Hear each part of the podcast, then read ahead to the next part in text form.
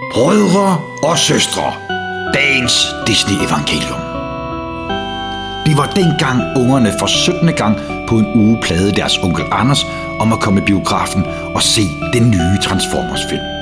Det var 17. gang, de forstyrrede ham midt i hans leksikonlæsning, hans julestrikketøj eller generelle spekulering over verdens beskaffenhed med denne højtid. Det var den 17. gang, som var gangen for meget. Anders med sit leksikon fra sig og råbte og skreg af ungerne, at nu skulle det være slut med chubankfilm og fordummende virkelighedsforvanskning, som har tilsat popcorn med smør, sukkervand og syntetisk slik. Nu skulle ungerne have noget af Annebys ægte kultur, tænkte han sydende, imens han bandt dem sammen med sit dertil indrettede bælte og smed dem ind på bagsædet af sin ramponerede og buttede røde sportsvogn. Og så kørte han gennem sneen mod Annebys kunstmuseum.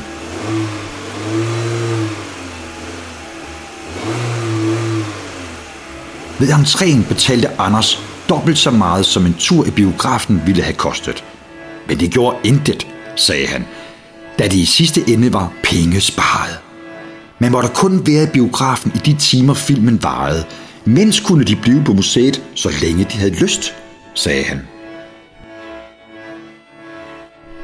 Og ungerne beklagede sig, imens de vandrede gennem forhallens første udstillinger. Men nutidens kunst giver viden om fortiden, proklamerede den kunstkyndige and i et af sine forsøg på at fremføre sig med en faderlig mine over for sine tiltroede nevøer. Det plejer da at være omvendt, sagde Rip, Rap og Rup, hvor de hver især sagde en del af sætningen, som de altid gjorde. Og det gik op for Anders, at han slet ikke så dem som tre nevøer, men nærmest som et trehovedet monster af forstyrrelse og grøn spætterød.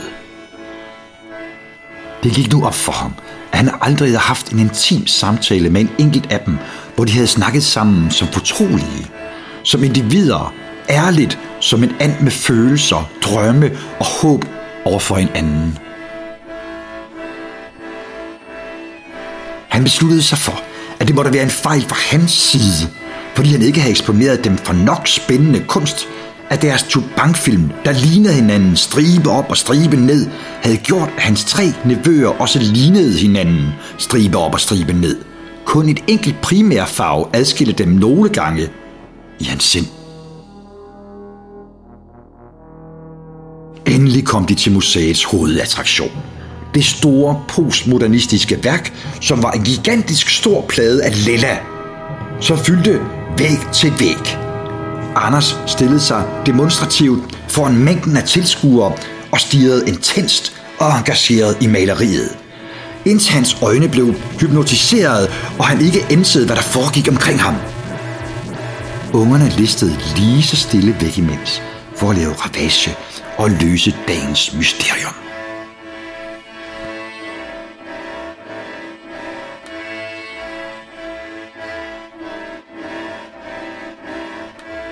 Men havde de måske gjort dette, hvis de havde vidst, hvad der egentlig foregik inde i Anders hoved, mens han stod der og stirrede? Var det måske bare gået, hvis de havde vidst, at Anders hurtigt havde opdaget, at han intet forstod af moderne kunst? At hans hypnotiserende lammelse ikke var forsaget af betagethed af skønhed, eller store, smukke tanker, men af redsel.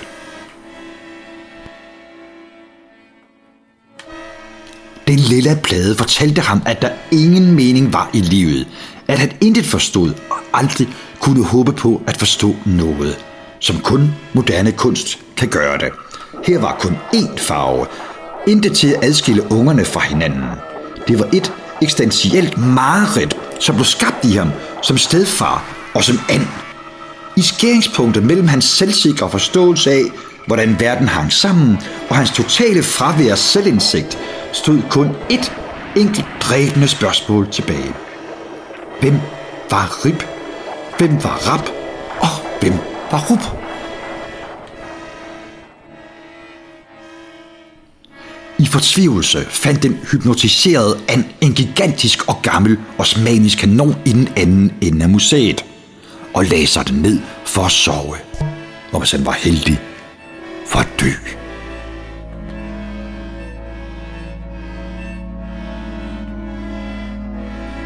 En af ungerne, Anders ville ikke have vidst, hvilken af dem, skød kanon af som et skarn, så Anders fløj afsted, imens han glædede sig til ikke at skulle leve i denne verden, som han ikke forstod, og som ikke gav mening hverken på den ene eller den anden måde. Men i det han landede, ramte han uforvarende ind i to 20-knægte, som Anders altid ender med at gøre på museer, og mistede dermed ikke livet. Men derimod blev han en held, som stoppede tyveriet af sultan af Guggenmais sjældne diamant, som tilfældigvis blev udstillet. Anders måtte heldemodigt fortsætte med at leve. Uden at blinke, hypnotiseret og indvendigt paralyseret af redsel over ungerne, som han ikke kunne skille fra hinanden. I en verden, han ikke forstod.